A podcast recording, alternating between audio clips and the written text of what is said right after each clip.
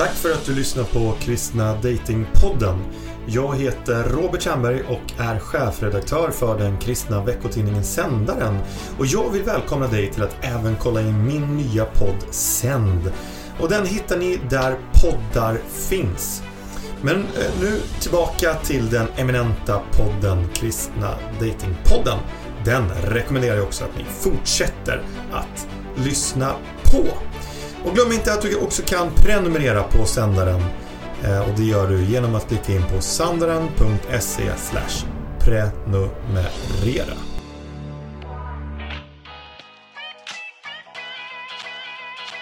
I begynnelsen skapade Gud Adam. Adam satt och tittade på månen, stjärnorna, himlen, sjöarna, floderna, växterna, djuren och alla andra saker som Gud hade skapat. Gud kände att Adam behövde lite sällskap, så han skapade Eva och väntade på att naturen skulle ta över. Men det gjorde den inte. Gud väntade på att något skulle hända. Men Adam och Eva brydde sig inte om varandra. Och en dag, när Adam och Eva jobbade i trädgården, sade Gud till Adam Adam, gå fram till Eva och ge henne en kyss.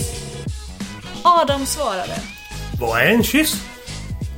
Efter att Gud hade förklarat så gick Adam till Eva och gav henne en kyss. När han kom tillbaka sade Gud Adam, gå nu och ge Eva en kram. Adam svarade Vad är en kram? Efter att Gud hade förklarat gick Adam till Eva och gav henne en kram. När han kom tillbaka så sade Gud Adam, gå nu och ha sex med Eva. Adam svarade Vad är sex? Efter att Gud hade förklarat gick Adam för att ha sex med Eva. Efter ett tag kom Ad- Adam tillbaka. Gud såg att Adam var fundersam och han frågade vad som var fel. Och Adam svarade Gud, vad är huvudvärk?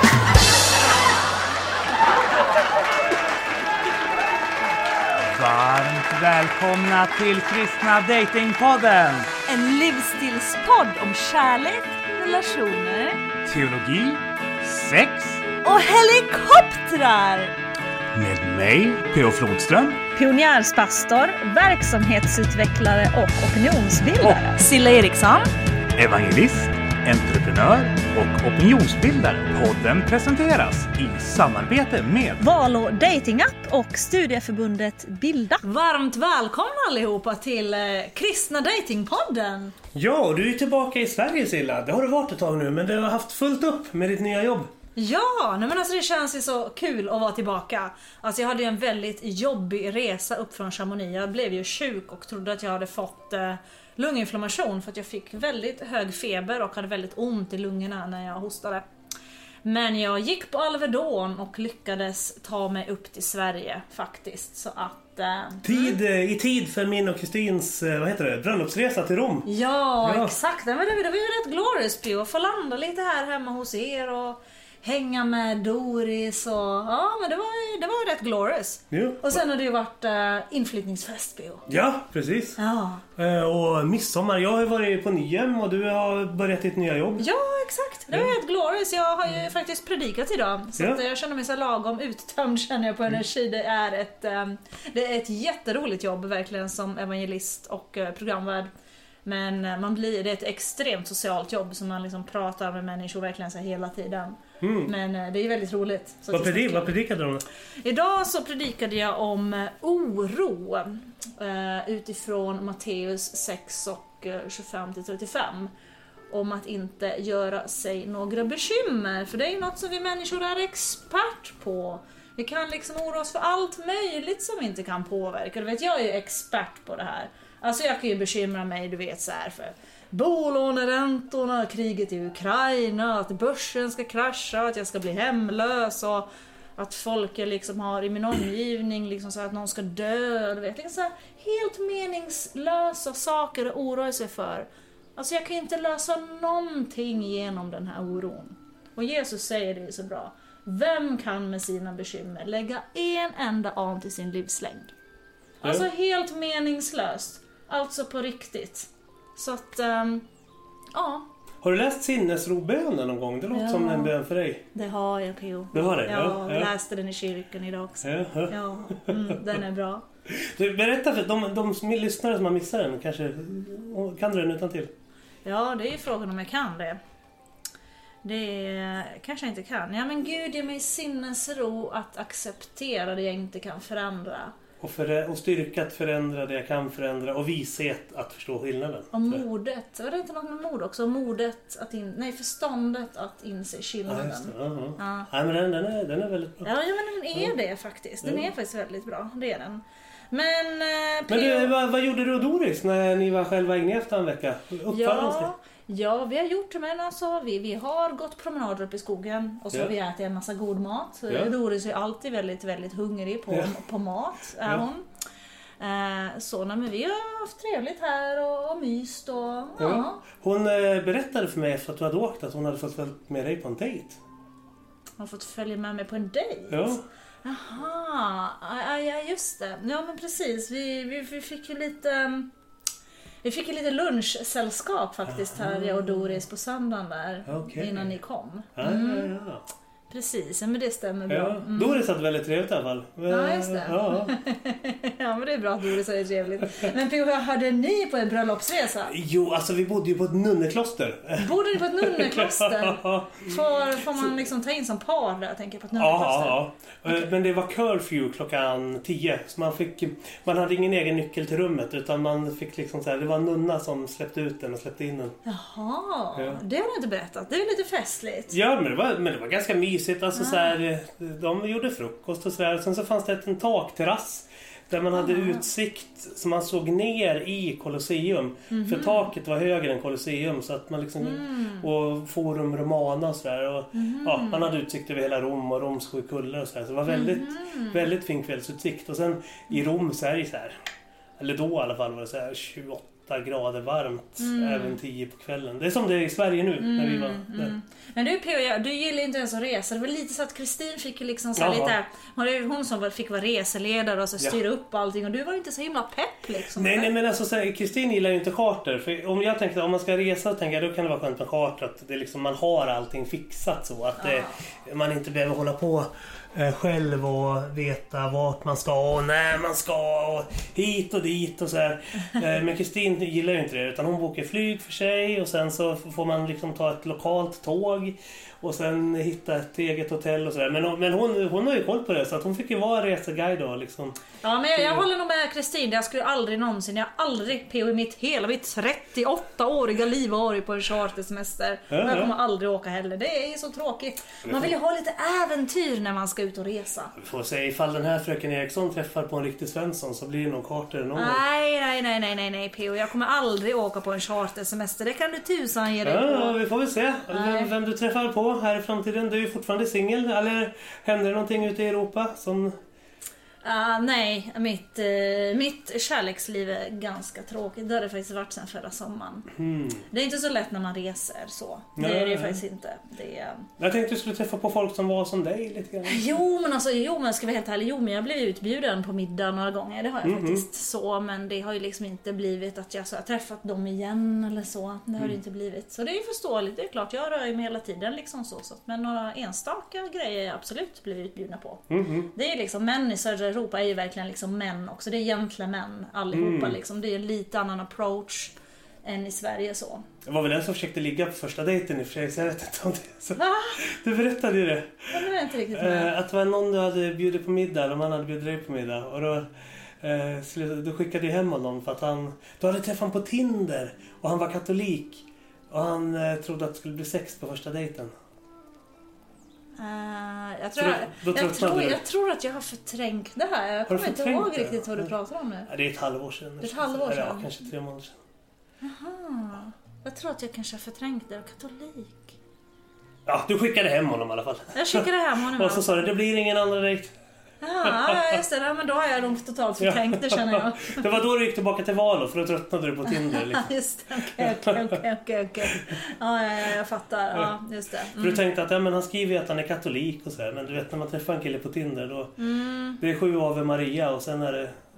Sen vill han köra igång. Mm, ja, just det. Ja, precis. Nej, men katoliker är inte alltid så lätt. Det, mm, nej. Ja, men det, är, det är som Svenska kyrkan, vet du. Det kan ju vara allt från... Det finns ju katoliker som typ är som eh, Evangelisk Luthermission och Evangeliska Fosterlandsstiftelsen. Men ja. de flesta katoliker är liksom som mainstream Svenska kyrkan. Mm, mm, mm. Du skickade ju, PO, apropå första dejten här, du skickade ju något avsnitt till mig här i fredags. På något här program som du tyckte jag skulle kolla på.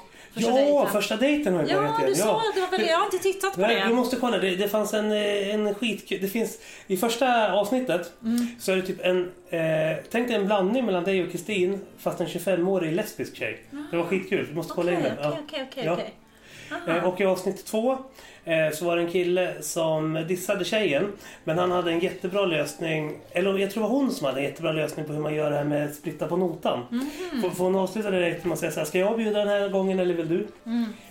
Och då liksom, det var ett så här skönt sätt att lösa den där notfrågan på tänkte. Mm. Eh, Så jag tycker du ska kolla. Eh, Första dejten är ju Therese Nöjds favoritprogram också. Ah, Så- jo, men det är ju väldigt roligt för jag tror så här, ikänn- igenkänningsfaktorn är väldigt hög på väldigt Mm. många av de här. Jag tror därför det är ett så populärt program också. Man kan liksom verkligen så här känna med de som sitter där liksom. Oh, oh, oh, eh, gift vid första ögonkastet. Det, du måste se den säsongen. Ja, men jag har sett det. Ja. Jag har sett det, men jag har inte sett på den, det. den mäklartjej där. Ja, hon, är jag lite, vet. hon är lite som dig. Hon är Ja, lite så här ja, vet. extra allt. Ja, jag har sett jag, jag tycker du på riktigt, om du fortfarande är ogift vid 40, då tycker jag att vi ska anmäla dig till Gift vid första ögonkastet. Ja men tänk om du har lika tur som henne, att du liksom träffar den här drömprinsen som hon gjorde. Och så blir allting bara glorious. Ja, jag vet inte. Du kanske blir som August och den här tjejen från Kumla också, att det bara blir helt fel. Ja. August bor två mil här. Ifall du vill ha en bohem så kanske han Nej. PO jag vill inte ha någon bohem. Det vet du. Jag vill inte ha någon bohem. Okej. Och inga vänstermän heller. Ah, jag vet inte ifall han var vänster. Han, han men bohem var han. Ja, men jag behöver ju en gentleman. Och vi, Mm. vi, innan vi slog på inspelningen då, så pratade vi lite grann om det här liksom med gentlemän. Liksom. Vi, vi pratade lite grann om vad, vad, eller vad jag tänker att jag behöver och då sa jag att jag, eh, jag, jag behöver ju men det vet jag. Jag vill verkligen ha en gentleman, jag vill inte ha någon toffel, jag vill ha någon som har en kommunikativ förmåga, trygghet, har ett ordnat liv, liksom skinn på näsan, kan take lead. Och då landar väl vi liksom att det är inte så många liksom vänster-PK-män som är så. Utan det är lite mer högerorienterade, konservativa gentlemän så som är... Fast en konservativ man skulle ju vara helt ointresserad av dig. För du känner dig ju inte kallad till hemmet på det viset. Nej men Alltså- okej, okej, konservativ. Men alltså, det finns ju på olika nivåer. När jag säger konservativ så men- menar inte jag liksom att jag vill ha någon man som spärrar in mig i hemmet. Nej, han spärrar ju inte in dig. Det handlar ju om att du själv ska känna en tydlig sändning till att underordna dig din man och baka Nej, bullar. det är och... ju inte det jag menar när jag säger konservativ. Det jag tänker då, det är att jag behöver en gentleman som kan bjuda ut, som kan take lead, som kan liksom överraska, uppvakta, liksom... Fast vad har det att göra med att han är värdekonservativ? Ja, men jag tänker att det är mer den typen av män som har de egenskaperna. Men värdekonservativ, det handlar ju om att man har väldigt tydliga uppfattningar om könsroller och att så här, det är så här kvinnor ska eftersträva att vara, det är så här män ska Ja eftersträva men så här, min erfarenhet är nog, nu har inte jag sig träffat så många vänsterorienterade män, men jag tänker att de inte har de här sakerna. Alltså det är sällan liksom en vänsterman är en gentleman. Fast, eh, eh, bara, Erik Gustafsson, vad tycker du om honom? Min kompis? Ja, Jag vet inte, jag har inte varit på dejt med honom. Nej, men inte det. Men alltså, vad hur tycker du att han verkar vara som person? Mm, Han är ju, han är ju 12 år men äldre än ja, dig, så han är inte... Ja men ja. jag kan, jag kan väl tänka mig att skulle man gå ut med honom så hade han ju inte liksom, då hade han ju definitivt take lead och liksom bjudit Mm. ut och så. Det, det kan jag tänka mig. Jag vet hur han är i, i romantiska situationer. Han är, han är exakt så som du beskriver att att en kille ska vara.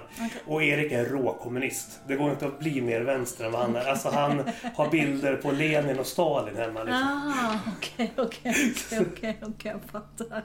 Och det värsta han vet är feminister. Så att det är liksom så här, eftersom de har liksom så här liberaliserat arbetarrörelsen. Ah, ja, ja, okej, okej, okej, jag fattar. Så, så att det, har, det har inte så mycket med... Det är kanske mest att det är jag som, jag har inte, alltså jag har inte liksom varit ut med så många vänsterorienterade män. Jag skulle säga att alla som jag träffar är liksom åtminstone lika mycket höger som jag är. Om inte Fast- mer fast åt du är höger. inte, du är inte så mycket höger. Du, men du tycker inte det? Du är folkpartist. Liksom. Det är definitionen Du säger alltid att du är folkpartist. Ja, men du är så liberal. Liksom. Liberal? Ja. Ja, ja, när jag gör valkompassen så ska jag rösta på Medborgerlig Samling. Är jag liberal då? Eller ja, liksom- de är libertarianer. Ja, så de, är, en, de är ännu mer liberala än Folkpartiet. Ja, ja, De är liberaler på fultjack liksom. ja, ja, ja. Mm, mm. Eh. Ja, nu ska vi inte gå in så mycket på politik här. Det är inte det vi ska prata om. Nej, men, tänker, men frågan är, är du libertarian eller är du mer vänsterliberal? Det är frågan. För Ja, men jag, är ju lite, li- mer- jag är ju lite libertarian, det är jag definitivt. Lite anarkist liksom. Ja, Ja. ja kanske. För att en, en libertarian, alltså den kan ju vara både jättekulturradikal, alltså den kan ju vara så här. Men, Mm. Ja, den kan ju, men det men, men, men den Ja, kan men ju, men också vara en högermupp. Ja, men liksom. alltså jag är ganska värdekonservativ ändå. Det är jag ju faktiskt. Ja, i jämförelse med vem? Du vet min kompis Mika, han är, han är ju jättemysig men han är ju liksom Ja, men han är för mig stereotypen av en värdekonservativ. Ja, men alltså han är hyper, värdekonservativ plus plus plus. Så det är inte jag. Det beror på vad du jämför med. Jämför med många muslimer, jag känner han ganska progressiv. Alltså allting blir... Ja, nej, men alltså det är alltid så. Ja, vad, ja. vad är det man jämför med? Ja. Liksom? Det är allt, kommer ju, kokar ju alltid ner till det. Liksom. Så.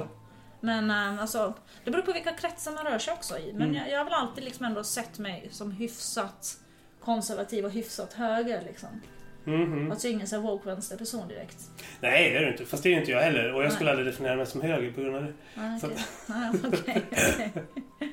ja, men P.O. innan vi börjar spela in, alltså, ibland känns det så som att vi borde slå på den här mikrofonen innan liksom, alltså vi har ju så bra uppsnack här innan vi slår på mikrofonen. Vi Liksom. spelar in nu Silla, vet du om. Ja, jag vet att vi spelar in det. Ja, men alltså vi hade ju väldigt bra uppsnack här innan liksom. Då, ibland känns det som att du och jag borde sätta på mikrofonen lite tidigare. Men vi pratar ju mycket om första dejten och läsa av signaler. Mm, mm, mm. Och så pratar vi om när du och Kristin träffades och lite så. Mm. Eh, hur, hur man liksom så kan tolka och läsa av signaler. Mm.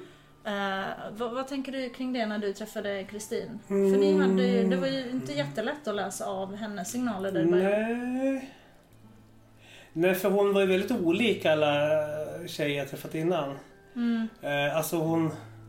Hon, hade ju, hon har ju väldigt så här stark självförtroende och stark självkänsla och liksom sådär. Mm. Eh, så hon, är, hon, liksom, hon är ingen uppmärksamhetssökande poptjej på det viset. Så, Nej. så, så att då, jag vet inte riktigt hur man hanterar en, en tjej som är hel. Nej, och du tyckte att hon var ganska dissig också. Nej, det var, det var så att hon tyckte att du var dissig för att du fick en så väldigt snabb kram. Och då tänkte du så här, men hon kommer inte vilja träffa mig igen. Ja, eller det var hon som trodde att jag inte ville träffa henne igen. Ja, precis. För att hon tyckte jag kramade henne för snabbt. Ja, Men jag var ju så nervös och tänkte att man vill inte uppfattas som klängig. Ja, men du vet. ja, just det. Ja. Ja. Men du betalade ändå notan första gången. Ja, andra gången. Andra gången. Men, men, ja. alltså, men Silla, du får komma ihåg, det här har du glömt, för du glömmer ju saker. Ja, jag vet. Men, eh, Minnet är bra med kort. Eh, kvällen innan första dejten med Kristin, Mm. då hade Silla berättat för mig och min kompis Samuel om hur Silla var när hon var 18-19 år och var vänsterfeminist. Och hur arg hon blev varje gång någon kille försökte bjuda henne på saker. Så att jag hade ju med den här berättelsen då i bakhuvudet när jag träffade Kristin som var en 36-årig vänsterfeministtjej och tänkte att ja, man kanske inte ska bjuda henne för kanske hon blir lika arg som Silla blev på Det killarna. här, det här är väldigt lustigt liksom. Det känns som att det här var så länge sedan. Idag är det har ju verkligen slått över totalt. Så går jag ut med någon idag och den personen splittar på notan, då kommer jag aldrig träffa den igen. Alltså, alltså inte så här liksom... Inte som en dejt. För då, då, jag- tar nog det som en, som en signal att jag, nu är jag friendzonad. Mm. Så. Eh, jag kan träffa personen som en vän men jag skulle aldrig gå ut med personen om personen liksom splittar på en nota. Det är liksom för mig så här, det, då tar man död på all romantik. Alltså, Men hur kom det sig att du blev så sur när du var 18-19? När de försökte bjuda? Ja, men jag, jag var nog extremt liksom så här, extremt självständig. Jag, så här, ska inte, inte någon man komma och liksom så här betala för mig. Jag minns mina egna pengar att betala med. Mm. Eller sen varit och handlat och någon liksom vill hjälpa till och liksom bära hem kassan. Jag kan minsann bä- bära hem mina egna kassar. Liksom. Jag var Mm. väldigt självständig så. Liksom. Men idag är jag ju helt motsatsen. Verkligen. Liksom. Jag vill ju verkligen ha en man som bär mina kassar. Som betalar min mat. Som kan vara lite gentleman så. Så jag, Mm. jag tycker det är ganska charmigt faktiskt. Men vad var det som gjorde att du gick från att se det som en förolämpning ifall någon ville liksom använda kärleksspråket tjänster till att du började uppskatta det? För någonting måste ha hänt. Ja, så jag tror att det var en förändring i mig väldigt mycket. Jag har nog mer, väldigt mycket bejakat min feminina sida och min kvinnlighet tror jag de senaste tio åren. Jag gjorde inte det förut. Alltså hade du träffat mig när jag var 2025, du vet. Jag ville inte ens gå runt i kjol för att jag tyckte att det var tjejigt. Och allt som förknippades med feminitet, det var liksom, det var inte bra. Idag tycker jag själv att jag är väldigt feminin. Jag går ju bara runt i kjolar idag egentligen. Det hade jag aldrig gjort förut. För jag tyckte att allt som var feminint och allt som var kvinnligt, det förknippade jag med någonting dåligt. Men idag har jag verkligen liksom vågat blomma ut, tycker jag själv, och liksom i min feminina sida så. Men det här är intressant. Jag träffade Olof i helgen, eh, alltså Edsinger. Mm. Och, och vi pratade om att vi kanske ska ha ett avsnitt här framåt hösten där vi träffar honom och kanske någon mer för att prata Mm. om det här med könsroller och hur vi som kristna kan orientera oss. Alltså vi pratar ju väldigt mycket om HBTQ och säger det som en Mm. så här eh, ramsa. Eh, Men det vi inom frikyrkan egentligen förhåller oss till är H. Mm.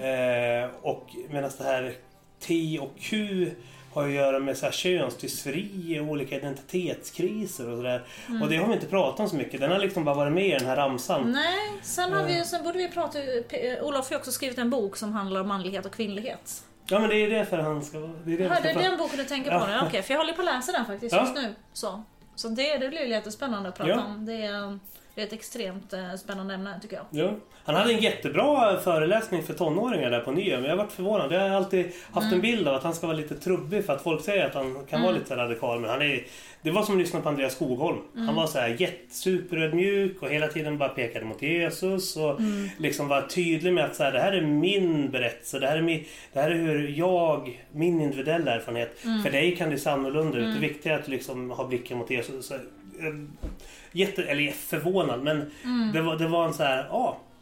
Han gör det här bra och de som är så rädda för honom Mm. de, måste, de kan aldrig ha hört honom. Det måste bara handla om att det går massa rykten om att han skulle vara på ett visst vis han inte är. det. Okej. Ja.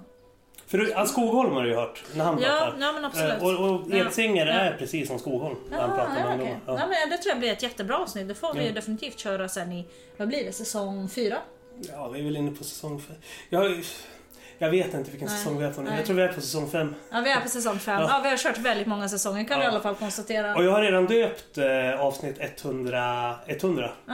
Det heter Sillas bröllop och vi, är på, och vi är på avsnitt 84 nu så att vi kommer ju få lov att göra glesare och glesare mellan de här avsnitten. Sillas bröllop. Du Ja. vet att det här, mitt kärleksliv inte går så bra, eller hur? Så att det kanske inte du, ska har, fem- du börja... har 15 avsnitt på dig. PO, jag känner lite press här. ja. Eller det är inte så mycket press på mig, det är ju press på mer av min framtida man då som ska fria väldigt snabbt. Ja, jag tänkte, alltså, första säsongen skulle ju egentligen slutat med ditt bröllop. Nu tänker jag, nu har du fått fem säsonger så du har fått väldigt mycket extra tid där. Ja, precis. Ja, nej men det, ja, jag vet inte, jag har inte... Silla Bright to be, episod 100. Jag känner lite press här PO, Ja, det ja, känns ja. inte som att det går så bra för mig just nu. Ja, men får, ni som lyssnar och är mellan 35 till 40 ni behöver inte vara civilekonomer längre, Silla har börjat sänkt kraven. Eh, skjortorna behöver inte vara blåa eller glansiga längre, men en skjorta ska du ha. Eh, du behöver duscha i alla fall en gång, eller räcker varannan dag kanske. Eh, lite sportig måste du väl vara ändå? Jo, alltså inga soffpotatisar. Skjortor är bra liksom. Ja, ja. Eh, Och ett ordnat Men, liv men, men, det kan, men det kan vara en mattgrön liksom. Mattgrön? Ja. Nej, inga mattgröna skjortor PO. Det funkar inte. Sjukt ohot. Nej. Okej, en Nej. vit kan det vara va? Ja men vit eller, alltså det är ljusblå är fortfarande bäst. Ja, mm, men, Sen rosa gillar jag. Kan glesa, så du har ju PO en rosa skjorta. Ja, jag fick, Kristin köpte en som eh, ser ut som din skjorta va? Jaha, just det. Eller nu har du en grå Ja. t-shirt på dig. Ja. Mm. Men alltså i vanliga fall. har du- ja. Ja men det, är- det är så mörkt sådär PO, så det är väldigt snyggt. Du passar väldigt, väldigt bra i rosa. Gul jag funderar på att testa också. Lite Gul? gul, aprikos. Jaha, ja, ja, men det kan också vara snyggt. Ja, mm. Jag måste säga sommarfärger, lite pastellfärger och sånt. Det är definitivt, det, det är väldigt nice. Du håller ju på att fundera på att skaffa en rosa klänning. Det tror jag passar dig som är blond också. Ah, ja men just det. Ja, Du skickade ju en precis. länk men sen så ångrar du dig. Mm, men nej, nej, nej, det är bara att jag inte har hunnit shoppa än. Jag har så mycket annat att göra nu. Ja, Ja, ja. nej, men absolut. Det kanske jag borde göra. Mm. Du får gå på second hand med Kristin. Det finns massa second hand. Ja, vi har second hand på Östermalm också faktiskt. Jaha. Mm, det har vi. Hmm. Det finns. Mm. Fast där är det väl väldigt dyrt va? Alltså där är, heter det bara second hand och sen kostar det så. Uh, nej, jag har aldrig i och för sig varit där men jag går Mm. ofta förbi det och tänker att jag ska gå in där men jag har inte gjort det. Ja. Mm. Men, men i alla fall, som lyssnar. Kom igen nu, vi har 15 avsnitt kvar. Ge Silla den episod 100 hon alltid har drömt om. Ja, P.O. Ja, nej men det, det är inte lätt det här. Vi, vi, vi, vi, vi har ju bjudit in också en, en, en gäst idag. Ja, vi tänkte behöva lite hjälp på traven där för att eh, hinna ikapp. Ja, och vi, vi har ju pratat med vår gäst också väldigt mycket om hur man uppvaktar. Mm. Och eh, hur man raggar på ett snyggt sätt. Mhm. Har vi några åsikter PO kring det? Ja, det är svårt i dessa tider. Alltså, så här, för, alltså, men många tjejer har ju sagt, typ som dig, att de vill ha killar som är väldigt på och som är väldigt uppvaktande. Alltså typ som ditt ex som inte liksom tog ett nej utan liksom så här fortsatte att ligga på och vara väldigt så här uppvaktande och på så. Samtidigt som eh, om det är fel kille som gör det så kan det uppfattas som creepy istället. Så att, det är fingertoppskänsla som allting Det annat. Ja. är faktiskt Ja. det liksom. Är det rätt person som är på liksom? Men Ja. det finns ju ingenting som jag avskyr så mycket som, som tofflor som inte kan ta initiativ. Ja, fast om du tänker så här då. Ifall ditt eh, ex, överläkaren, Mm. ifall han inte hade varit en så socialt fungerande överläkare utan varit så här en allmänt social awkward kille som Mm. hade svårt att läsa av signaler i största allmänhet och liksom en mupp. Jo, men Då, så- hade, då hade ju inte du blivit charmad av det. utan då hade det bara blivit creepy. Liksom. Jo men det blir creepy. Och Sådana Ja. har man ju också i sin omgivning Ja. som, ja men du vet ju själv hur, Ja. hur det är ibland. Så, eh, så nej, jag, definitivt inte. Nej. Det är klart rätt. Nej, och, och, och det är det som blir så svårt. För att Mm. ditt ex charmade dig just genom att vara jättepå. Mm. Eh, och inte tog ett nej inom situationstecken. Ja fast han har ju väldigt charmig också. Han Jo, jo, kunde ju verkligen bjuda ut på så jättefina saker. Och det, det är klart att jag, jag är den typ av tjej, jag blir Ja. charmad av sånt. Ja. För att jag vill ju ha en gentleman. Mm. Så när jag liksom ser det att oj men här bjuder vi ut på alla möjliga resor och spa och middagar och fint och liksom sådär. Ja. Det, det är klart att liksom jag blir charmad av det då. För det är det jag vill ha. Jo, Så men det är var ju för att han var socialt fungerande. Ja. Hade han varit en mupp och gjort exakt likadant hade, han varit, ba- hade han ju bara varit läskig. Mm, sen är det ofta, sen om jag nu ska vara helt ärlig, är det väldigt sällan muppar gör sånt. För Okej. att de har oftast inte det, det kinne på näsan som krävs för att göra sådana saker som han till exempel gjorde. Okej, ja, ja. Så det är min erfarenhet i alla fall. Okej, ja. För jag vet, ibland har ju killar varit så här väldigt på, men på ett creepy sätt. Mm. Alltså, eh, ett tag så dolde du ditt telefonnummer och sånt där. Alltså så lite stalkers och sånt där. Ja, fast det, det, är, en, det är något helt annat. Ja. Det är verkligen något helt annat. Men det är att de är väldigt på fast på fel sätt. Ja, exakt. Ja, ja, visst. Där är det personer som inte ens liksom utger sitt, liksom vem de är eller namnar någonting. Ja, det var väl en sån du träffade på när du var i Europa också som hade som var så här lite skum. Så att han, han, han tackade du nej till för han hade liksom Mm. gjort konstigheter tidigare. Och så. Ja, ja, ja, ja nej, men alltså så länge man det är någon man har träffat liksom som man Mm. vet vem personen är då är liksom utgångsläget är ett helt annat då. Mm. Så, Mhm. det är det ju verkligen. Ja.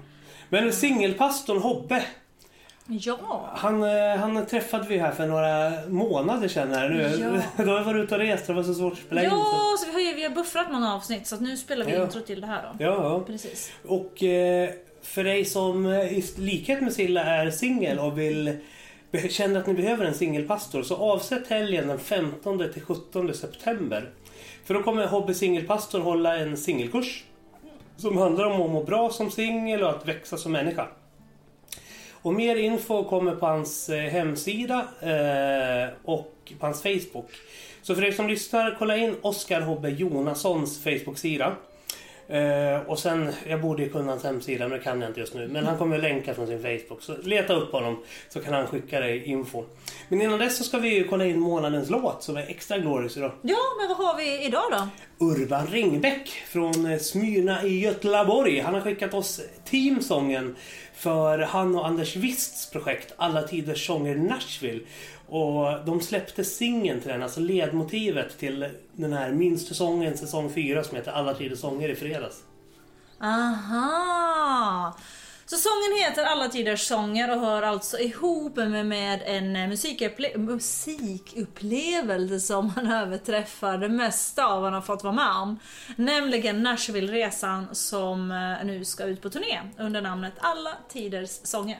Ja, och Urban berättade att han hade fått förmånen att sjunga in den tillsammans med fantastiska Evelina Gard som tillsammans med honom varit musikalisk ledare. Det är de två Jonathan Alfredsson eh, som åkte till Nashville och var musikalisk ledare för det. Åsas storasyster eh, Gustin var också med vet jag. Så, och sen har Anders visst skickat mig lite små filmklipp där eh, Mikael Jeff Jonsson, alltså där kristna svenska musikeliten. Och det har verkligen varit skitbra. De klipp jag har sett har verkligen gett eh, mer smak. Och nu under gångna veckan som har gått med Nyhem och Torp så har man också fått lite smak eh, vad heter det? Smakprov eh, från, från den här kommande säsongen. För de har varit där och spelat lite låtar från, från tv-serien. Ja, vad kul. Urban menar ju också att eh, den här sången är ett försök att tolka den växande förundran som jag känner inför det genuint andliga i musiken. Alltså både i det arv vi har, i det som kallas andliga sånger, men också långt vidare mening. Ja, och sen måste vi nämna också att Anders Wist i förrgår fick klart med SVT att de i likhet med NRK kommer att sända säsong 4 av Minst säsongen, eller ja, Alla tiders sånger kallas den för av upphovsrättsskäl. Eh, och eh, den här serien kommer alltså gå under samma titel som månadens låt Alla tiders sånger. Det finns sånger som vi älskar, som vi gärna sjunger om och om igen. Sång som föder längtan, det känns som om den kom från framtiden. Det finns sånger som vi plötsligt kommer ihåg. Det fanns ett gömställe inom oss där de låg alla tiders sånger. Mm, Alla tiders sånger. Det finns sånger för de stunder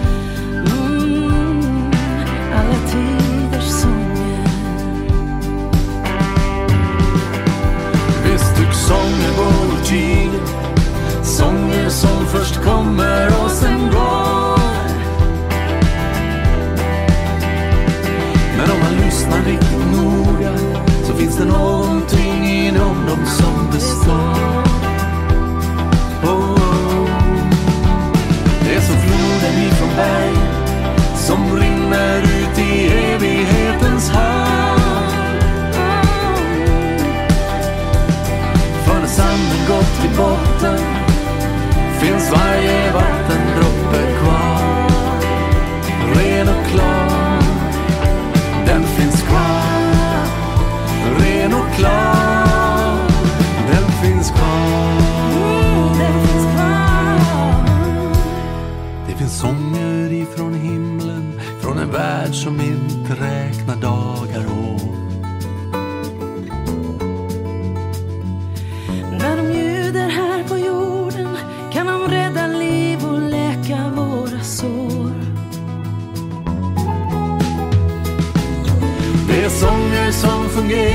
som en kod. Öppna portar till en ocean.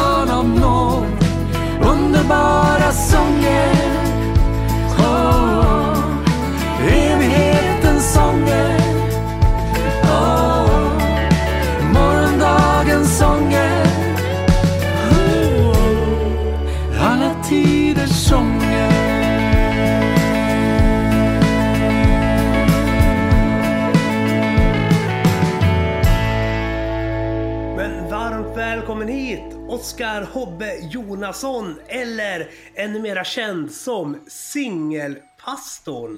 Ja, varmt välkommen! Jag är jätteexalterad PO över att vi idag har hittat en singelpastor. Tackar, tackar. Ja, men jag tänkte ju det Silla, du har ju pratat mycket om att du behöver hitta en mentor och en, en herde och du har ju i princip varit församlingslös sedan du lämnade Lugnetkyrkan. Så jag tänkte, vad passar bättre än en singelpastor för dig? ja, eller Som kan hur? vägleda dig och guida dig. En, en fadersgestalt som kan leda dig genom livets eh, trassliga stig. Ja, den där singelstigen den kan minsann vara lite trasslig ibland. Det har du nog en poäng i PO. Men Hobbe, du är, det här, Silla är ju verkligen din målgrupp har jag förstått. Ja, jo, jag vill ju möta singlar.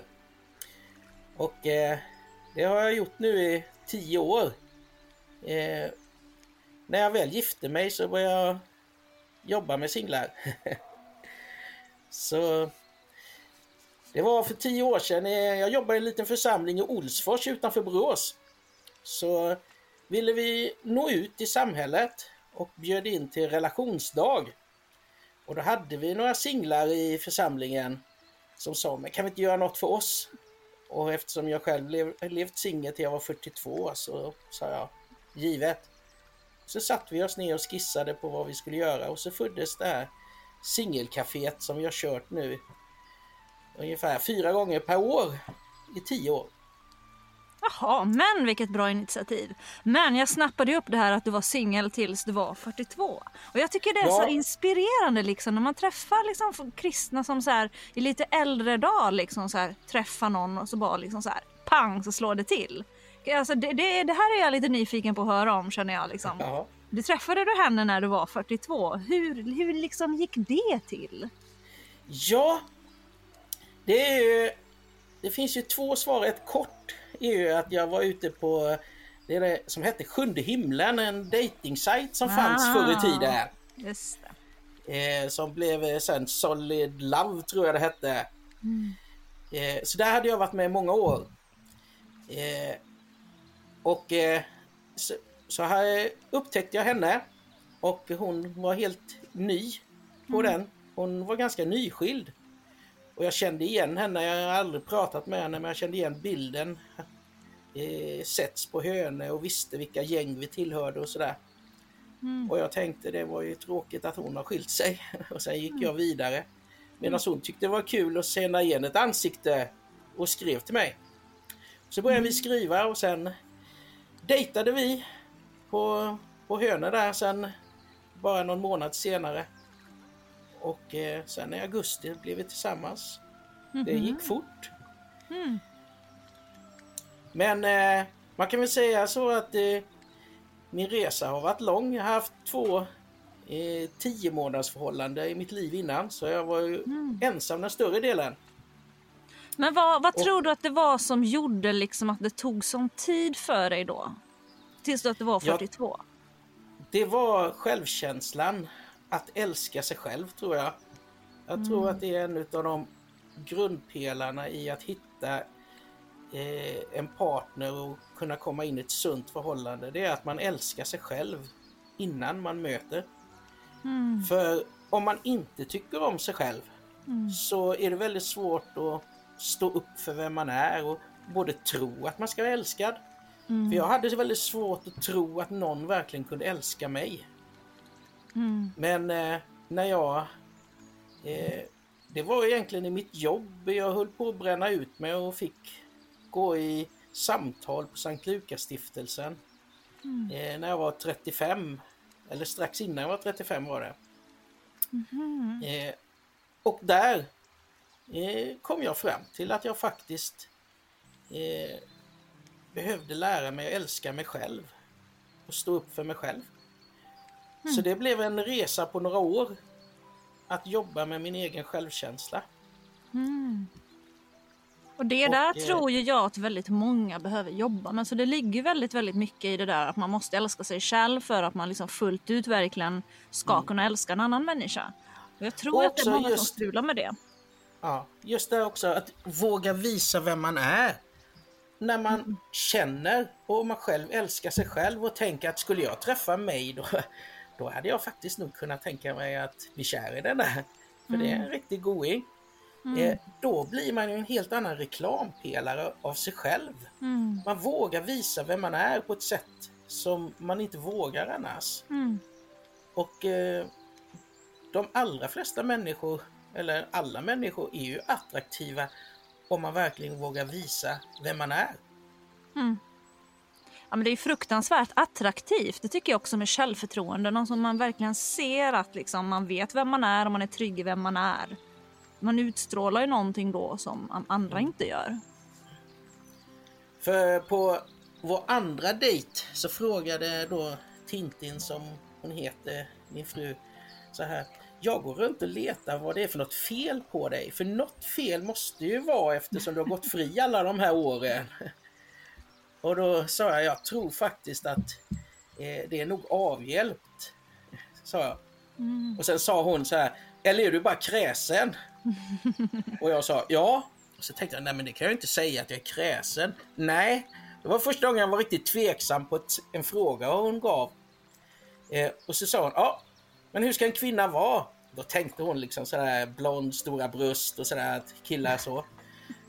Men då hade jag ju sju kriterier och och det var ju liksom att hon skulle vara kristen, hon skulle älska ungdomar, hon skulle älska församling, hon skulle vilja ha ett öppet hem, hon skulle vilja föra människor till tro, hon skulle vara barnslig men ändå mogen och kunna ta ansvar.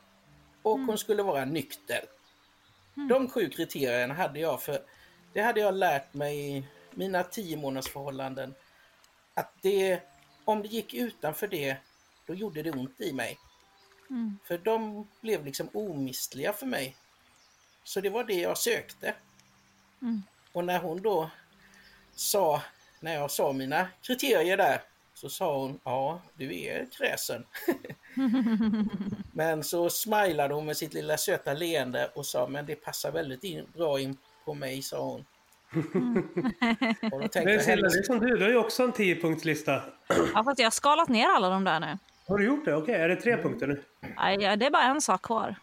Jaha, ska vara en Jag vill kille? ha, ja, men så här, jag, nu har jag kommit fram till så här, jag vill ha en sund människa. En, en man som är sund till kropp, själ ande. Det är tre. Jag, jag Sen kan man ju diskutera vad sundhet är. Det kan man diskutera väldigt länge. Ja. Jag, jag hade ju inga medvetna till exempel eh, kriterierna eller utseende och sånt. Det är möjligt man har det ändå. Men det var inget sånt där intellektuellt jag tänkte ut att hon skulle se ut på något visst sätt. Utan det var de här egenskaperna. Och jag tror att det är viktigt att man tänker efter. Vad är det som är omistligt i mitt liv? Eh, som jag inte är beredd att eh, liksom kompromissa med egentligen. Mer än att man formas tillsammans så småningom. Eh, För eh, då vet man ju också, då behöver man inte lägga ner energi på eh, det som inte kommer fungera.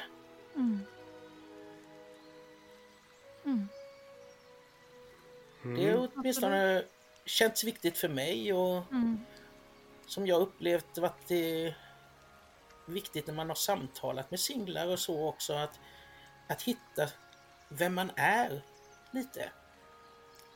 Jo, men alltså det tror jag är jätteviktigt att man känner sig själv och vet sina behov och vad man vill ha för någonting.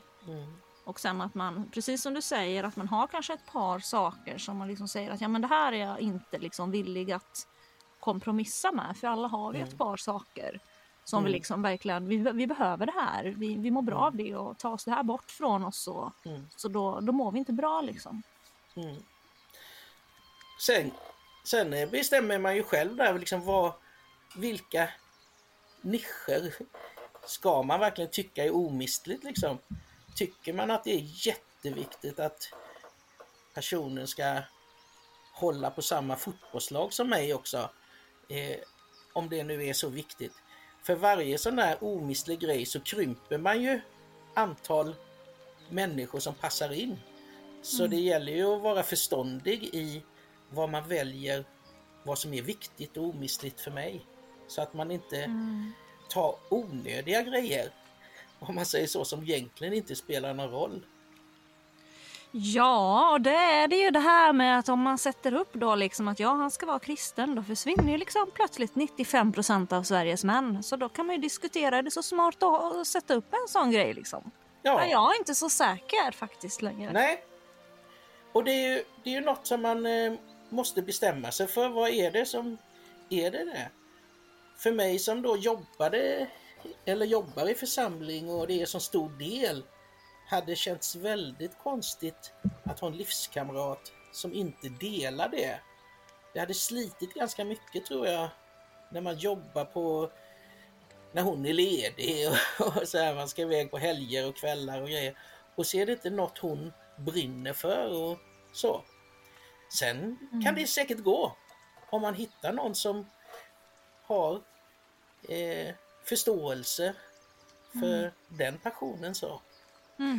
Men Hobbe, jag är lite skeptisk där. För att jag tänker Ja. att, att vara engagerad i en frikyrkoförsamling, det är inte... Alltså en församling som fungerar är ju inte som att vara med i ett parti. Så. Eh, eller en, en hockeyförening eller så. Nej, det är det faktiskt inte. Utan när det fungerar så är det någonting som genomsyrar hela livet så. Alltså i hemgrupper och vad man lutar sig mot när livet eh, skaver och hur liksom de sociala relationerna ser ut. Jag har ju både varit gift med en fru som lämnade frikyrkan och nu är jag gift med en fru som är väldigt engagerad i frikyrkan. Eh, och det, det, det var ju en... Det kändes ju som att vi levde parallella liv under stora delar av vårt äktenskap. Så. Och jag har pratat med andra som är gifta med partners som inte liksom delar deras kristna livsåskådningar. Och, och det är ju återkommande att ja, men det, det blir ett parallellt liv så, för man delar inte det som är det viktigaste. i Ja, den ena nej, men jag, jag känner igen den eh, eh, bilden och det var väl det som gjorde att jag eh, satte det som en eh, omistlig kriterie för mig. Mm. Sen, eh, eh, ja, vi är ju olika som personer och det är kanske olika viktigt hur mycket man eh, fysiskt engagerar sig i församlingslivet även om tron är pulserande. Och då kan det kanske fungera. Men man ska tänka efter tror jag. Eh, och våga prata om det så det finns respekt verkligen och förståelse för varandra om man inte har samma livsåskådning. Ja, men får jag då vara lite kritisk här då? Mm, Alltså jag, jag, jag, jag tror ju inte så här. Bara för att en person är kristen så betyder inte det att den personen på något sätt kommer behandla mig bättre eller respektera mig mer än vad en person som är kristen är. Alltså det finns ju många, jag vet inte hur man ska uttrycka det här på ett snällt sätt nu, men det finns ju väldigt många badass i kyrkan Ja, som jag har träffat.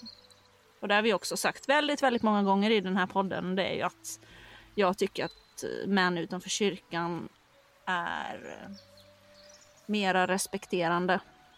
Mera omhändertagande i många avseenden faktiskt. Jag menar någonstans i grund och botten, vad är det egentligen man vill ha? Man vill ha en människa som man liksom känner sig trygg med. Eller för mig är det viktigt. Liksom, någon man känner sig trygg med. Som man verkligen på djupet kan öppna upp sig för och liksom prata om allt. Mm. Och någon som Verkligen. verkligen finns där, respekterar en och någon som man verkligen liksom kan bli ett med. Så. Eh, och jag upplever nog att det har varit lättare med män utanför kyrkan än män i kyrkan. Faktiskt. Problemet som jag ser, eller det, det som är att jag förstår vad du menar, det är ju dels att det är mycket högre konkurrens eh, om, om tjejer, alltså för killar utanför kyrkan. Eh, eftersom könsfördelningen ser, där är den ju jämn. Så. Medan inom kyrkan så finns det tre tjejer per kille, vilket eh, gör att rent sociologiskt behöver inte killar anstränga sig lika mycket. Men, men jag tänker, jag, jag tror generellt att till att börja med så kommer det ha svårt att hitta en kille som går med på att vänta med sex tills ni är gifter utanför kyrkan. Jo, alltså För- det, det förstår jag också. Ja, för att nyhedonismen är ju liksom metaideologin som genomsyrar hela det sekulära majoritetssamhället. Att det som ger njutning är det som är gott. Så. Medan du har ju en helt annan livsåskådning och en helt annan etik och moral som grund för ditt liv. Så, så, att, så att jag tänker att även ifall killar utanför kyrkan är bättre på att uppvakta på grund av att de har tvingats lära sig att bli det, så har de en helt annan grundvärdering än någon som är autentisk i sin kristna livsåskådning. Sen finns det ju massa människor som är kristna men som liksom faller på olika sätt när det kommer till den etiska kompassen och så. Men det finns ju i alla fall då en etisk kompass att förhålla sig till. Ifall du Ja. inte har en kristna livsåskådning som grund så, så blir det ju postmodernism. Och en, dessutom nyhedonistisk postmodernism där allting är relativt men luststyrt. Mm. Jag tänker på- tänker på två saker när ni pratar här. Det är en kompis till mig som blev frälst eh, när han var 28. Och Jag var också radikalt. 28 när jag blev frälst. Mm. Och, eh, och han sa efter han hade kommit till tro där, för det var just en tjej som sa det att ni kristna killar, ni är så dåliga på att ge komplimanger och uppvakta så här. Och han sa så här, ja, eh, det beror ju på att när jag inte var frälst, liksom då sa jag vad jag behövde för att få tjejen. Nu är jag ju ärlig. Det kan vara, kan vara en sån grej att man inte bryr på hur mycket som helst. För man vill hålla sig... Eh, man vill inte bara ha en tjej. Utan man vill eh, ha något genuint äkta. Eh, sen eh, det andra är ju som du är inne på här att eh, det är något vi behöver prata om i frikyrkan. Det här hur, hur uppvaktar man? Hur visar man känslor? Eh, Hur raggar man på ett eh, snyggt sätt liksom? Mm. Eh, utan att eh, riskera att såra men ändå vara ärlig och, och våga tala om. Mm. Eh, jag minns första gången jag eh, i, i vuxen ålder, där, i mogen ålder, när jag började våga. Första gången jag vågade. Det var en kvinna jag var eh, förälskad i. Så. Och jag sa det, kan inte vi snacka? Och så gick vi iväg där. Och så berättade att jag var kär i henne. Och eh, då, ja det gick ju bra. Men hon var ju inte kär i mig. Men jag fick ju lära mig ändå att det är ingen fara att prata om det. Liksom, hon, hon tyckte ju det var det finaste någon kan säga till en. Och bara för att inte alla kan vara kära i mig. Och sen var jag lycklig i två dagar för att jag hade vågat. Mm. För det var ett stort steg för mig. Eh, Och sen efter två dagar började jag inse att jag blev nobbad och tyckte det var jobbigt att vara olyckligt kär ett tag. Men eh, att, eh, att lära sig eh, att eh, hur uppvaktar jag en, en partner på ett, eh, på ett bra sätt, på ett eh, fint sätt. Liksom. Det, det är något vi behöver prata mer om. Speciellt då med killar i kyrkan, om det är din upplevelse. Och kanske fler tjejer då. Men det tror jag är ett ämne som våra lyssnare verkligen skulle vara intresserade av att höra mer om. Jag tänker, Hobbe, du kan väl fundera över tre tips till tjejer som ska uppvakta killar och sen kan väl Silla säga tre tips till kristna killar som ska uppvakta en kristen frikyrkotjej som dig. Det, det där beror ju lite på hur situationen ser ut också. Känner man varandra sedan innan? Ehm, eller är det liksom man träffas på kristen dejt till exempel och ska ses första gången? Det är, liksom, det är svårt att ge generella råd liksom. när det kommer Ta Filla 18. En kille ser dig på fikat efter Filla 18 och tänker oh, hon var snygg. Vad ska han göra? Ska jag börja eller? Ja. Okej. ehm, nej men man måste ju gå fram och presentera sig och snacka. Sådär. Det, det är ett ganska bra tillfälle faktiskt att få liksom ehm, Alltså en slags första bild av en person och filaten är ju bra liksom för där kan man ju liksom bara hej jag heter det och det också och sätter man sig och frågar men får jag bjuda på en fika och så sätter man sig och snackar och då har man ju liksom ett första möte och en första kontakt där. Eh, och sen när man liksom upplever att det klickar så kan man ju liksom Ja men världen, men det här var jättetrevligt. Det var ju verkligen kul att liksom lära känna dig och hur ser din vecka ut? Jag kanske skulle kunna få bjuda på middag någon, någon kväll liksom i veckan eller någonting.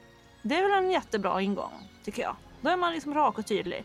Och man ger också ett utrymme att säga nej om det är så att man liksom känner att det inte har klickat så eller att man inte vill träffa den personen igen. Så, så det, det, det är bra. Men om det, nu, är det, nu är inte du med i någon ungdomsgrupp, men ifall det är någon i din YA-grupp, alltså det är ju ändå ett gäng då som träffas, YA, alltså det kan bli lite det? känsligt. YA-grupp, vad är det för något? Unga vuxna. Unga vuxna, ja. Eh, ja men det är som du säger, det beror helt och hållet på Känner man varandra överhuvudtaget eller är samma gäng? Eh, det, jag skulle nog ha väldigt svårt att bara gå fram till en, eh, en kvinna som är bara vacker om man säger. Eh, Men har man, är det ett naturligt eh, sammanhang, ett mingelsammanhang, eh, då kan man ju bara gå fram och heja och fråga var de är ifrån och, och så. Eh, det är det första. Eh, eh, och sen eh, tycker jag att det är jättebra att ställa frågor om människan liksom. Och att inte då vara allt för ytlig.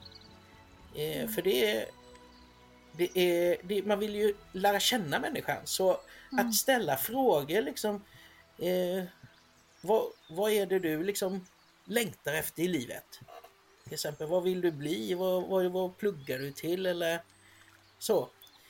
Och sen eh, eh, nästa är då att om man tycker det finns ett intresse där så att bjuda liksom på middag eller fika eller något sånt. Fika är lite mer avdramatiserat. Middag är lite mer sådär. Och eh, fråga så här. Ja du, jag gillar att prata hypotetiska frågor. Eh, är, är du med på det? Att vi, vi kan ställa frågor om alla möjliga konstiga grejer. För att fråga hypotetiska frågor som egentligen inte har med mig eller dig med så att göra, men man ändå pratar runt det, gör att man lär känna värderingar, åsikter och vem människan är på ett ganska avslappnat sätt.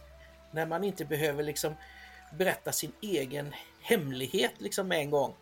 Men man ändå pratar om massa olika grejer. Eh, Det är ett eh, tips som jag tyckte var väldigt bra. Eh, jag och min fru, vi älskar det. Vi gör det än. Mm. Vi kan googla upp frågor när vi sitter själva en kväll och pratar och grejer. Mm. För det, det hjälper en att tänka utanför boxen.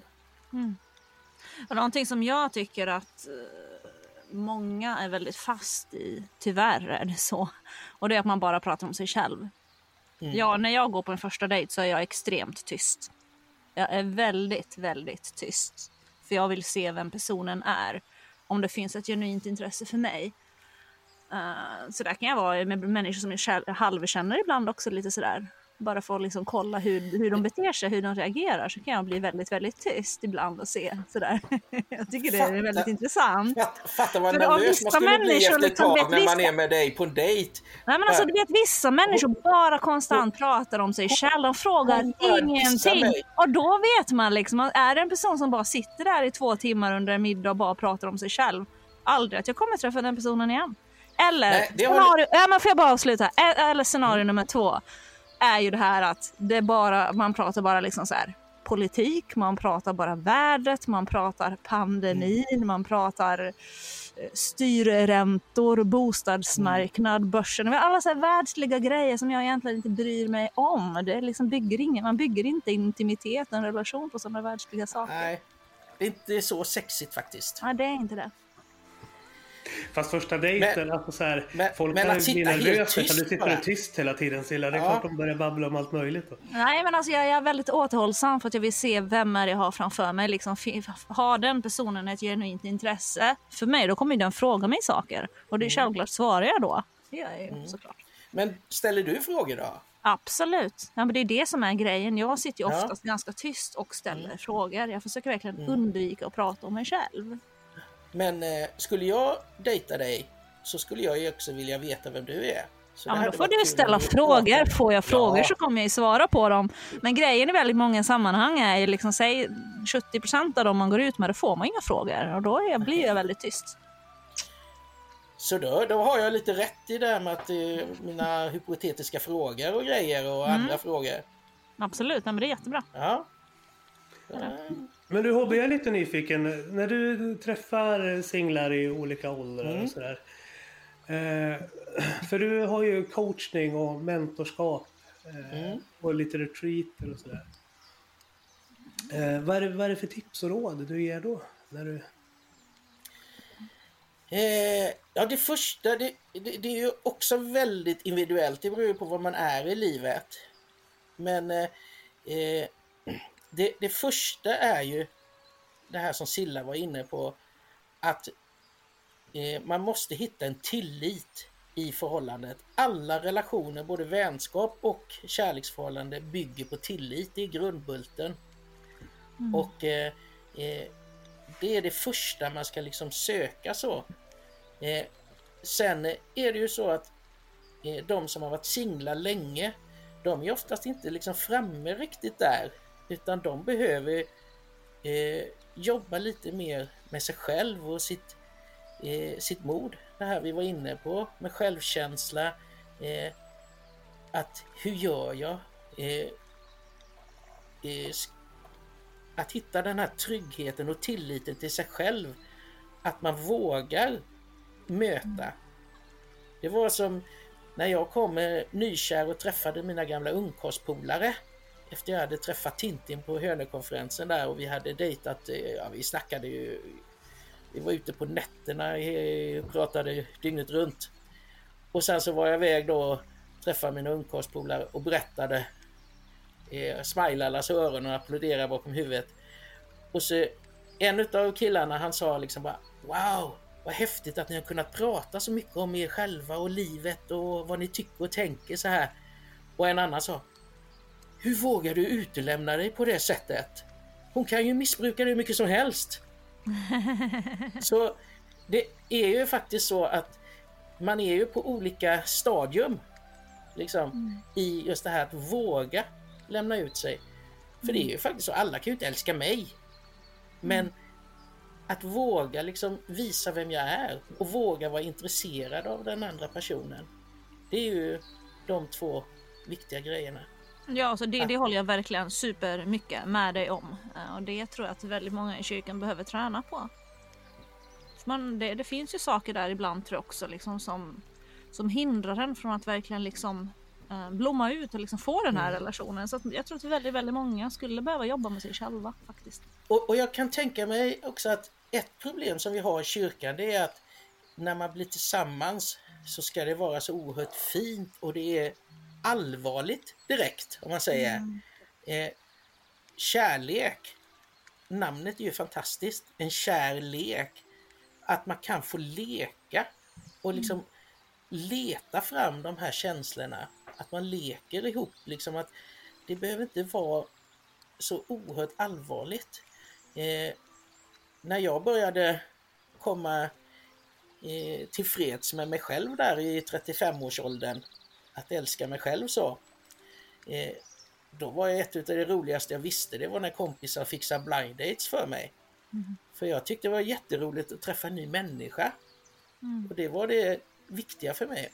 Skulle det klicka så är det ju bonus. Men det är fantastiskt kul att möta en ny människa och samtala och eh, lära känna den. Även om det inte skulle bli något. Ja, nej, men det Så- håller jag verkligen med om. Blind dates är ju det, är ju, det, är det roligaste tycker jag. Det är, det, är så, det är så spännande på något sätt tycker jag. Jag gillar ju sånt. Mm. P.O. du får fixa någon blind date till mig här. Det var länge Fast alltså, sist när Sveriges Television fixade en blind date till dig, då var jag nära att ringa till ambulansen för jag trodde du skulle få hjärtinfarkt när du ringde mig. Ja, fast då, P.O. att dejta, alltså träffa, alltså en blind date i TV är ju någonting annat. Jag tänker du kan ju fixa en till mig som inte sänds på TV. Ja, var det därför du var så nervös? Jag trodde det var själva blind-dejtandet som gjorde att du var... Alltså Silla var... Alltså sådär verkligen inför Men alltså, första tänk själv att du ska sitta i SVT och hela svenska folket ska titta på det här. Det är klart man är nervös. Jag alltså, tänkte du jag- var van. Du hade ju hållit på att dejta i tv förut. ja, men det, alltså, jag är väldigt trygg sådär i mötet med människor. Jag, tror jag är extremt sällan liksom nervös om jag ska på en dejt. Det är ju väldigt klassiskt att man är det. Men jag skulle inte säga att jag är inte den typen av personen som är nervös för det. Det är jag inte. Kan jag ärligt säga. Om det inte är någon som jag är väldigt intresserad av, då vet jag ju och då kan jag ju flika ut ibland. Då kan 25 000 kronors datorer smälla i, i golvet för att de blir excited. Men man behöver ju inte vara hur offentlig som helst när man dejtar. Det, det ligger väl lite i sakens natur egentligen att det är relativt privat. Så, eh, Kan vi inte be Hobbe eh, sätta upp en, en blind date åt dig? Jag tänker han är singelpastor och du är singel. Ja, absolut. Det var en jättebra idé Hobbe. Du får fixa en blind date till mig. Kan du inte Ja. göra det? Jag ska analysera männen som jag har relation till här i mina singelcaféer. Ja, han ska vara en sund man till kroppskärlande, inte över 40 helst. Ja, Om jag ska ge lite mer detaljerade tips så får han gärna gilla en aktiv livsstil. För att Silla är väldigt aktiv och har väldigt mycket saker för sig och tycker om att cykla och promenera och klättra berg och ja men du vet. Så. mm. Det viktigaste är att han inte är otrygg och undvikande utan trygg i sig själv. Och Han ja. ska vara trygg med han vet vad han kan och han vet vad han inte kan och han ska vara trygg med det.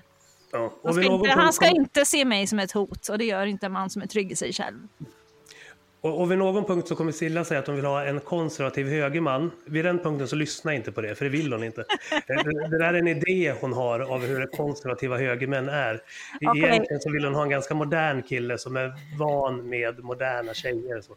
Ja, men okej, så här då. I fallet i dejter utanför kyrkan, då, är, då anses jag som väldigt högerkonservativ. Men i kristna sammanhang så vill jag inte ha någon kristen konservativ högerman. Så. Tänk dig Evangeliska Frikyrkans mittenlinje. Där är Silla. Och sen kan du fundera över hur konservativt det är. Eh, ja, jag, jag tar nog namnen, eh, samlar i en säck och så kastar jag upp den och så plockar jag ut ett. Det är nog enklare. Nej, men eh, det är inte riktigt eh, min eh, gebit det här just med att skapa datingprofiler så. För det, det tycker jag att det, man måste ha lite egen, egen eh, driv i det. Eh, och eh, så till exempel våra kaféer och sånt, vi har ju inte någon eh, typ speed dating eller dating som är organiserat utan det handlar om att det skapar en miljö som är mysig och god och öppen att vara i. Där det är lätt att möta människor just att gå fram och prata, sätta sig ner och lära känna nya människor och för att kunna bygga vidare.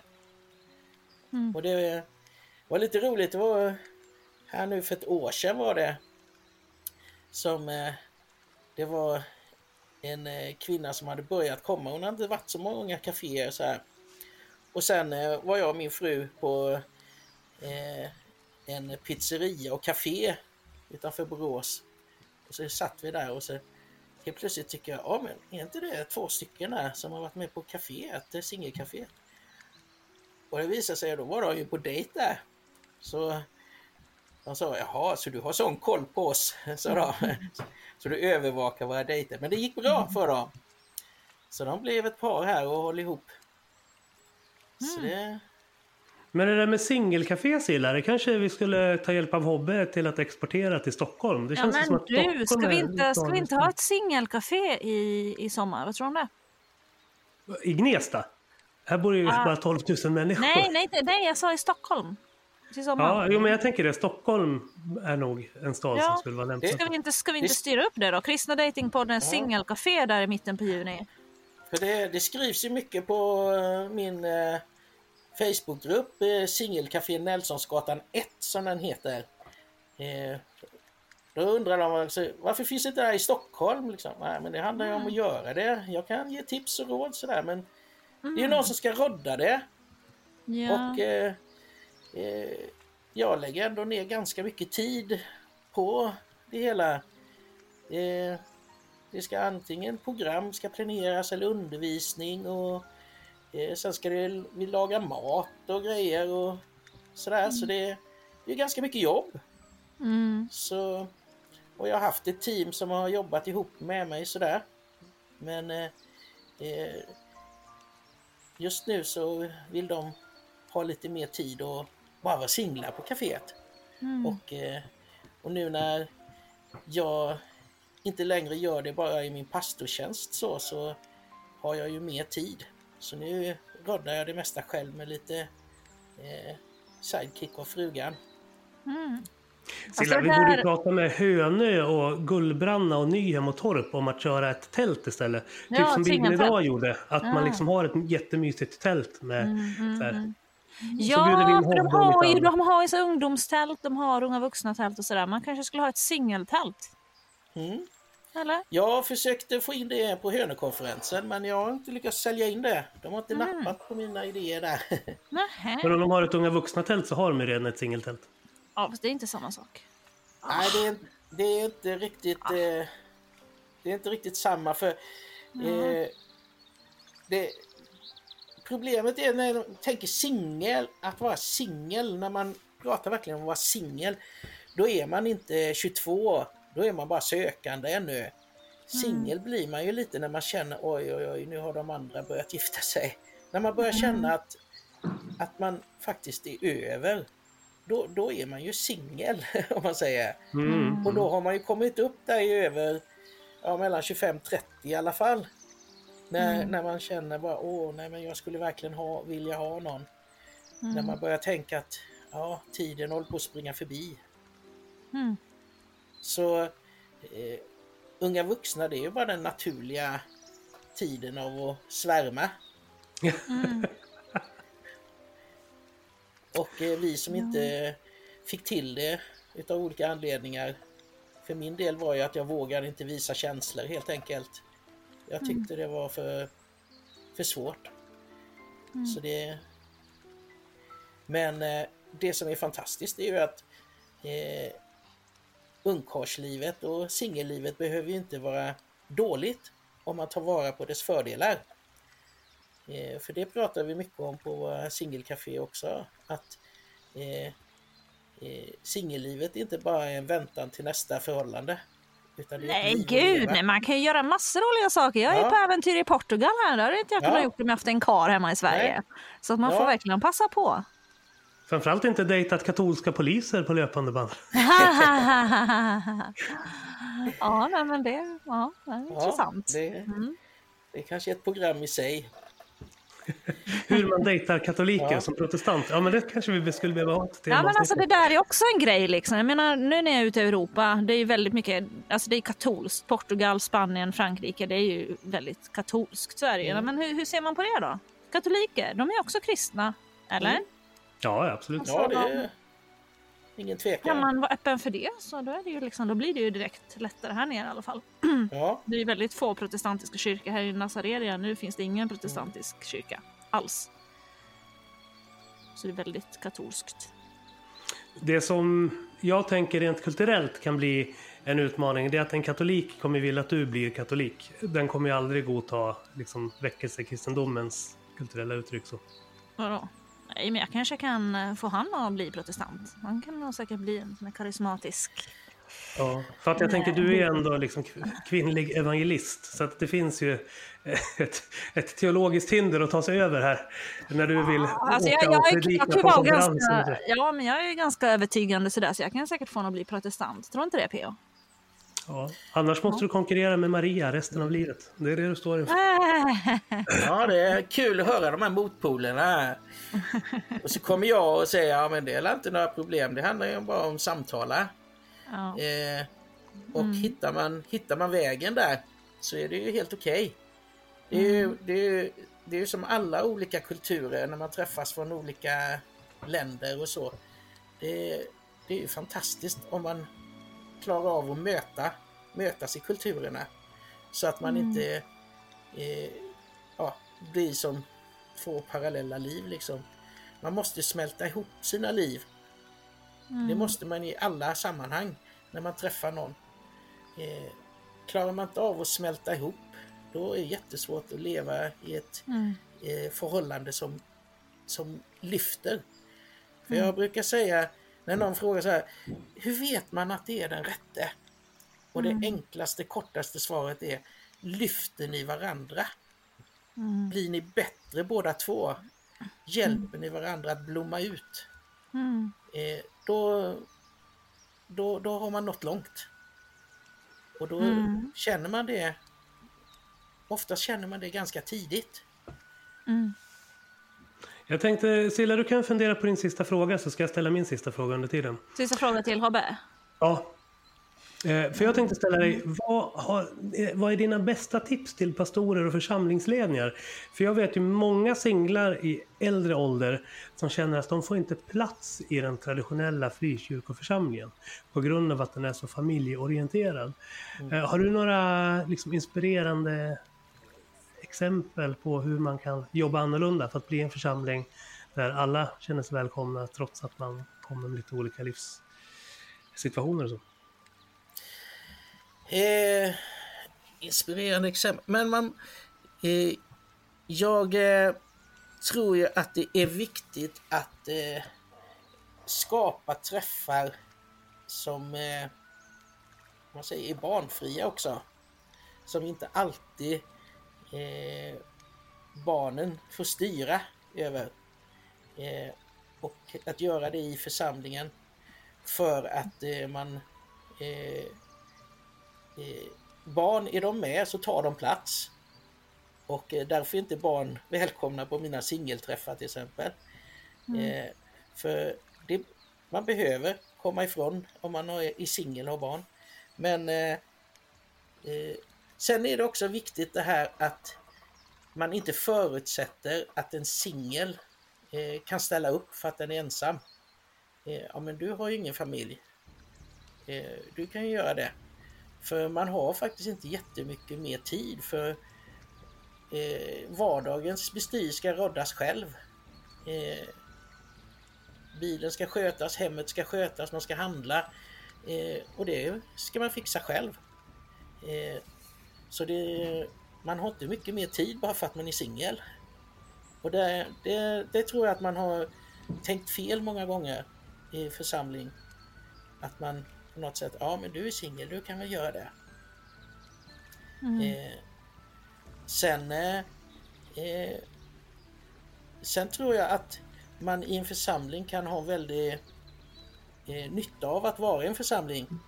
Eh, tvärtom, att man kan leva i symbios. Att man kan hitta en församling eller familj som jag kan komma hem till eh, eh, och umgås och få den här glädjen att lära känna barn och få en relation till barn och, och så och bli liksom extra storebror eller något sånt där.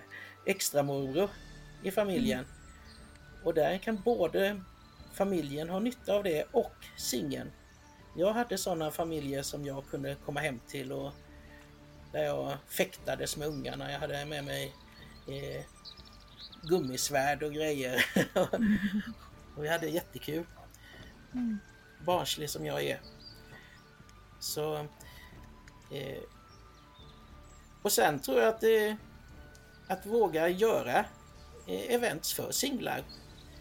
Eh, jag hade, pratade med några pastorer en gång eh, och så sa jag så här.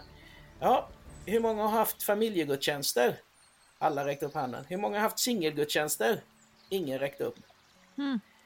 Eh, så man tänker inte så mycket vad, vad som är viktigt för singlar. Och ändå är hälften av alla våra hushåll singelhushåll och mer i storstäderna. Så det är viktigt att tänka liksom på hur bemöter man singlar. Absolut. Jaha, är det dags för min eh, fråga då? Ja, men då tänkte jag så här. Nu, nu faller jag själv inte in under den här kategorin. Men ta en eh, kristen person som är någonstans mellan 30 och 40. Som har levt själv hela livet, inte haft någon längre relation. Men som verkligen känner att den skulle vilja träffa någon. Vad är liksom ditt hetaste tips till en sån person? Mm. Det är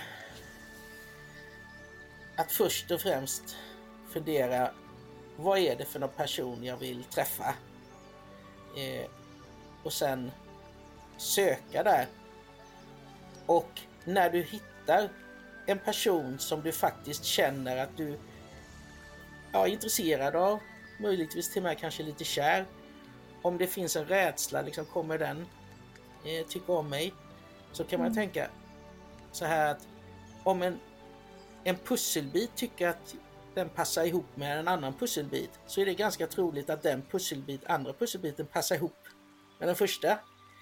Så om, om jag är intresserad av någon så är det väldigt stor chans att den faktiskt kan gilla mig. Om jag gillar dens egenskaper och personlighet så borde det vara eh, så det kan connecta. Så att, att man vågar eh, leta efter det man tycker om och sen våga tro på att, att man faktiskt duger. Det, det är väl det viktigaste egentligen. Och sen eh, var vi inne på det där, just hur gör man när man tar kontakt? Men att, att vara ärlig och hänsynstagande och nyfiken. Ja. Men supertack för din tid Hobbe. Jag tänker, du håller ju på och ska jobba fram ett retreatprogram för unga vuxna och lite yngre.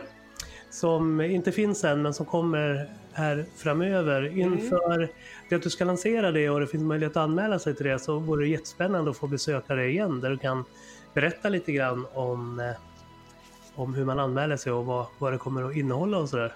Ja. Eh, den 5 maj har jag tänkt att göra eh, något slags singelcafé för 20 till 40.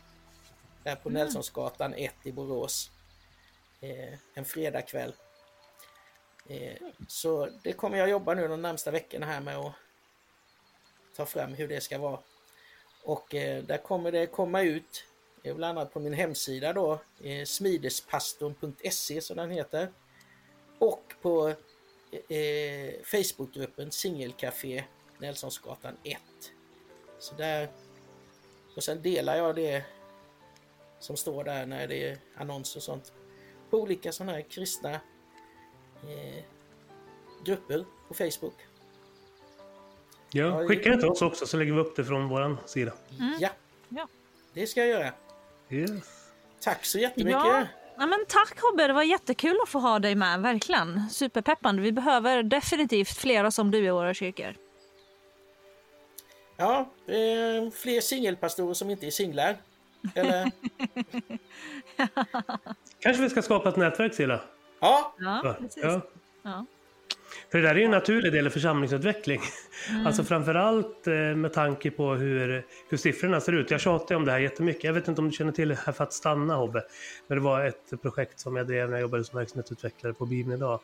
Eh, Och i, i, det arbetet så såg jag också då att den här skillnaden mellan hur många tjejer och hur många killar det är som stannar kvar bara blir värre och värre för varje generation som går. Så vi har ett matematiskt problem. För, men, det, men det blir i och för sig delvis en annan fråga om hur vi blir bättre på att få killar att stanna kvar i församlingen. Men Ja, den där var väldigt deprimerande, kommer jag ihåg PO. Jag gav ju upp att träffa en kristen man efter den där rapporten, kommer jag ihåg. Men, men, men, men även ifall vi inte skulle lyckas med just det så behöver vi då bli bättre på att bli församlingar där människor i olika livssituationer får plats. För det går inte att ha församlingar som har eh, kärnfamiljsnorm ifall allt fler och fler som finns bland oss inte har möjligheten att leva i den. Mm. Precis. Yes. Men med det Silla så får du eh, avsluta. Ja, nej, men vi avslutar väl som vi brukar då helt enkelt med att önska våra kära lyssnare en stor puss och kram. Stort tack för att du har lyssnat på Kristna Datingpodden. En livsstilspodd i samarbete med Valo Datingapp, veckotidningen Sändaren och studieförbundet Bilda. Mig, Silla Eriksson och med mig, Theo Flodström. följ oss på kristendate.podbean.com och Spotify. Trött på dejtingtjänster med tvättbrädesmagar och tomma löften? Hitta något äkta. Valo är Sveriges snabbast växande dejtingapp för kristna. Där du kan hitta sällskap med gemensamma värden. Ladda ner Valo gratis från App Store och Google Play och upplev kärlekens vår.